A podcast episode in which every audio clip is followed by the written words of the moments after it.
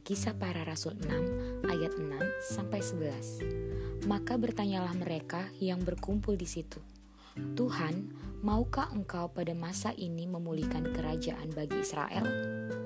Tiga hari setelah dibaringkan di dalam kubur, Yesus bangkit. Selama 40 hari, ia berulang-ulang menampakkan diri kepada para pengikutnya dan berbicara tentang kerajaan Allah.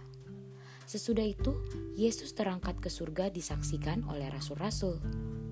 Yesus yang hari itu terangkat ke surga akan datang kembali dengan cara yang sama seperti mereka melihat dia naik ke surga.